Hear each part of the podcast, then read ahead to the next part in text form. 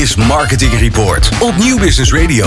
Ja, en uh, ik ben wel heel erg blij dat wij uh, weer een nieuwe gast in de studio hebben. Marcia Krauwel uh, van Hurst. Welkom. Hallo. Wat fijn dat je er bent. Marcia, jij hebt ook een hele gekke tijd achter de rug. Mm -hmm.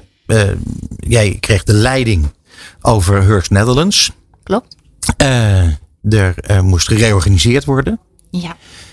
Um, er moest eigenlijk heel veel veranderen. Er moesten een paar merken moesten eruit. Er moest veel focus op nieuwe of op bestaande merken, maar uh, hernieuwde focus. Uh, en een pandemie. Mhm. Mm -hmm. Thuiswerken. Nou ja, echt niet normaal. Nee. Hoe ben je daar doorgekomen? Nou, rustig blijven ademen. ja, oké. Okay. niet in paniek raken. Ja, jeetje. Uh, toen ik inderdaad aantrad, januari 2020, toen, toen had ik al een uitdaging. Mm -hmm. En um, toen kwam er dus ook corona overheen. En die pandemie die was natuurlijk ongekend. Daar weten we allemaal alles Ja. van. Dus dat heeft natuurlijk iedereen. Maar uh, daarbovenop kwam dus ook een uh, aankondiging van een reorganisatie. Die we vervolgens uh, na anderhalf jaar ook afgelopen zomer daadwerkelijk hebben doorgevoerd. En dat was een behoorlijke operatie. Want zoals jij al zei, het is, er is goed ingegrepen. En concreet hebben we ongeveer een derde van onze uh, mensen uh, ontslagen. En ook hebben we mensen herplaatst binnen de organisatie. Hebben we ook mensen. We hebben ook nieuwe rollen uh, ingevuld, nieuwe mensen aangetrokken met andere vaardigheden. Um, ja. Was het, was, het, was het niet ontzettend moeilijk om mensen eruit te knikkeren? zeker in zo'n. zo'n dat is altijd moeilijk. Ja. Maar zeker in zo'n periode lijkt me. Nou, kijk, zoals ik het zie, de urgentie was er al meteen uh, toen ik aantrad. En ik had dus ook een plan gemaakt en ik heb het aangekondigd. Maar vervolgens hebben we ook vanuit menselijke overwegingen, omdat we geen mensen gedwongen wilden ontslaan in een pandemie van die omvang, ja. hebben we nog anderhalf jaar gewacht. En oh, in die okay. tussentijd hebben we het huis zo goed mogelijk op orde gebracht. We hebben heel veel dingen gedaan. Heel veel uh, nou ja, transities doorgevoerd. Kan ik zo wel iets meer over vertellen. Maar uh, we hebben nog anderhalf jaar gewacht voordat we ook daadwerkelijk die reorganisatie hebben doorgevoerd. Dus het had twee kanten. Een hele mooie kant. Want je ja. beschermt je mensen tegen ja, werkloosheid in een onzekere, moeilijke tijd. Maar ook een kant, ja, om zo te vertellen. Uh, ja, mensen moesten wachten. Ja. Ze wisten dat iets boven hun hoofd hing. Um, ja, en dat maakt het voor de mensen met wie we werkten natuurlijk niet makkelijk. Nee. Het maakte het behoorlijk uh, onzeker. Voor ja. Ze. ja. Maar het lijkt mij voor, voor jou in jouw positie ook een, een, een, een lastige. Omdat heel veel mensen vanuit huis moesten gaan werken. Dus je hebt een ander soort contact met elkaar ook, neem ik aan Mhm. dan. Mm -hmm. Ja. Ja, je gaat natuurlijk heel erg aan de ene kant heel erg top-down gestuurd. Als een soort militaire operatie ga je vanuit uh, kantoor, ga je allemaal vanuit huis gestuurd een, een bedrijf runnen. En door een pandemie loodsen. En ook die organisatie dus uh, uh, nou ja, voorbereiden, doorvoeren. En ook de periode daarna is vanuit huis lastiger, denk ik, dan vanaf een kantoor. Maar ja, het, het, heeft, het is gelukt, om het ja. zo te zeggen. Um, Had je het verwacht eigenlijk, Marcia? Want namelijk, jij loopt al een tijdje rond bij Hearst. Sowieso loop je al een tijdje rond in het mediavak. Uh, bij, bij Hearst, daar was alles op een manier georganiseerd. Was nou niet, uh, als ik het voorzichtig mag uitdrukken, niet, niet uh, de meest effectieve manier was het georganiseerd. Er werd onderling uh, te weinig gecommuniceerd, had ik het idee.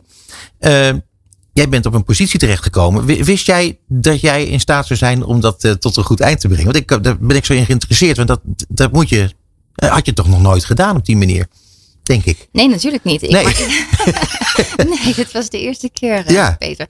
Maar nou, laat ik het zo zeggen. Ik werkte op dat moment al bijna twintig jaar bij het bedrijf. Mhm. Mm -hmm. Ik ken het bedrijf door en door.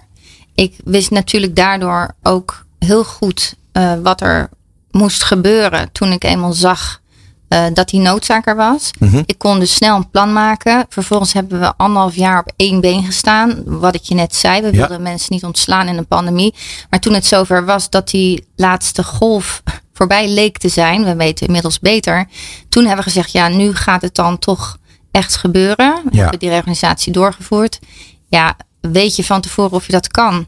Het zag er uit als een uitdaging. Ja. zo zeggen. En dat was het ook. Um, ja, ik denk wel omdat je twintig jaar ergens rondloopt dat je als geen ander weet. Dus ik vergelijk het altijd een beetje met hersenchirurgie. Je weet waar je moet snijden. En als je in vitale delen snijdt waarvan je uh, die zeg maar een rol hebben of een functie hebben in je lichaam, waarmee je dus iets uitschakelt wat vitaal is, ja, dan, dan ja, heb je een probleem. Maar ik wist gelukkig waar je moest snijden. Waar ik moest snijden, ja. En ik zeg niet dat het niet heel rigoureus was of hard of ja, er is gewoon ingegrepen op een manier die was nog niet eerder uh, vertoond, maar die was wel noodzakelijk. En gelukkig, en ik denk dat ik dat wel uh, ook moet delen, denk ik, in deze uitzending, is het allemaal niet voor niets geweest. En, nee, want er staat nu een gezond bedrijf. Veel gezonder dan het uh, heel lang is geweest, zou je mogen zeggen. Ja, en laten we vooral vooruitkijken, hè? want uh, we hebben nu al heel veel gesproken over het verleden en de ja. reorganisatie. En ik wil het eigenlijk hebben over de toekomst en de speerpunten van Hearst. Ja, nee, maar zo, daarom zijn we ook met elkaar in gesprek. Ja, kijk. Ja, zo is het. Nou, vertel op. Nou, wat jij al zegt. Uh, het is een moeilijke tijd geweest voor iedereen, maar vooral voor de medewerkers van Hearst. En uh, er staat nu een gezond fundament. Ja. We hebben die turnaround gemaakt. We zijn back on track. We zijn weer een winstgevend, gezond, financieel sterk crossmedia bedrijf. Wil ik ook even benadrukken. Ja. Omdat ik me realiseer dat een beeldvorming van Hearst nog heel vaak uh, geënt is op nou ja, traditionele print magazines. Nou, dat is onze legacy. Dat zal ook een tijd, dat blijft ook een onderdeel van ons bedrijf. En mhm. daar zijn we ook heel trots op.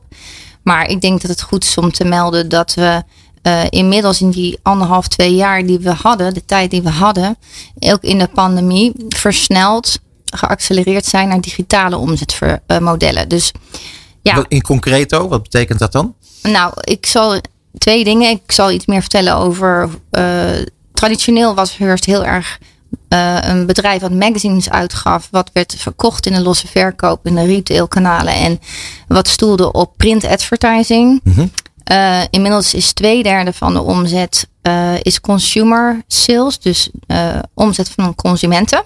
En nog maar een derde zijn we afhankelijk van die traditionele advertentiemarkt, waar iedereen toch Hearst mee associeert. En um, van die consumentenomzet is eigenlijk het grootste deel abonnementen inmiddels. Dus recurring business. Gewoon maar dat ja, is toch fenomenaal, fans, joh? Fans van onze merken en onze magazines. Dus daar zijn we heel trots op. Daar hebben we heel hard aan gewerkt. En het is ook heel goed gegaan en gegroeid in de corona-periode. Waar iedereen natuurlijk heel erg aan huis gebonden zat. En uh, ja, weinig anders kon dan thuis op de bank zitten. En graag uh, zich liet verstrooien en vermaken door onze magazines.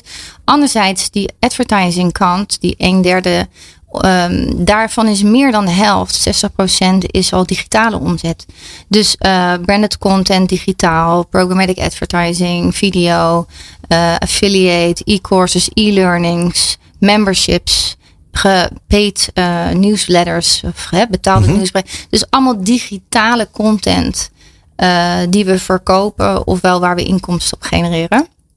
En ik denk dat heel veel Nederlanders denken aan Hearst met de magazines en die traditionele omzetstromen. Maar dat is dus in deze afgelopen jaren versneld uh, ja, op een hele, ja, we hebben nu echt een hele goede diversificatie van omzet. Ja, en een, en een toch, toch een schitterend uh, breed portfolio. Ja. Waardoor je uh, adverteerders, denk ik, ook uh, misschien nog wel beter kunt bedienen dan je, dan je eerst kon. Ja. In elk geval moet je daar natuurlijk een zekere visie op hebben. Hoe pakken jullie dat aan? Nou, we hebben focus aangebracht en we hebben gekozen voor toekomstbestendige merken in ons portfolio, waarvan we niet alleen zien dat ze nu winstgevend zijn, maar waar, ze ook digitale, waar we ook digitale groeipotentie zien. Mm En um, nou, op dit moment heeft Hearst al meer dan 12 miljoen uh, unieke bezoekers per maand met onze sites uh, bereik. Maar ook meer dan 35 miljoen page views. En we hebben al 12,5 miljoen uh, videoviews per maand met onze merken. Dus we hebben een enorm digitaal bereik mhm. opgebouwd de afgelopen jaren. En daar, dat, ja, daar bedienen we nu heel veel uh, tevreden adverteerders mee.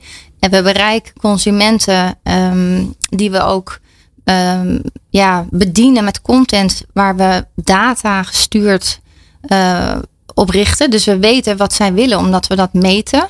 We hebben allerlei tools daarvoor. Dus we zijn heel erg datagedreven cross-media bedrijf geworden, wat vooral digitaal zijn content maakt. Op basis van inzichten, uh, ja, continu marktonderzoek, uh, insight, instant insights. Dus allerlei polls die we de hele tijd doen, elke dag.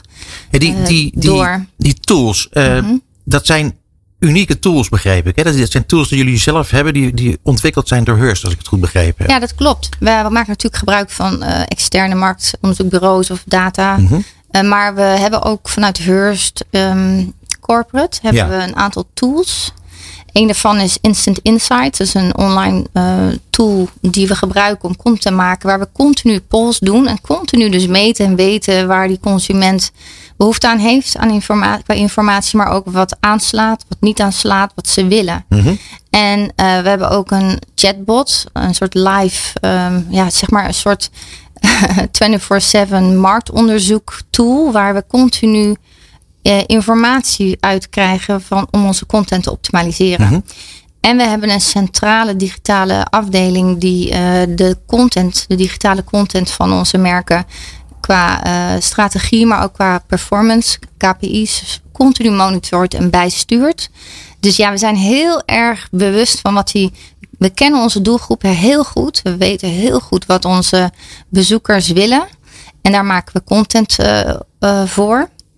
Maar dat doen we ook voor onze adverteerders op die manier. Ja. Via onze agency. Precies. Jullie zijn gewoon eh, eigenlijk, eigenlijk marketeers die, die jullie de, de adverteerders helpen het zo, zo effectief mogelijk aan te pakken.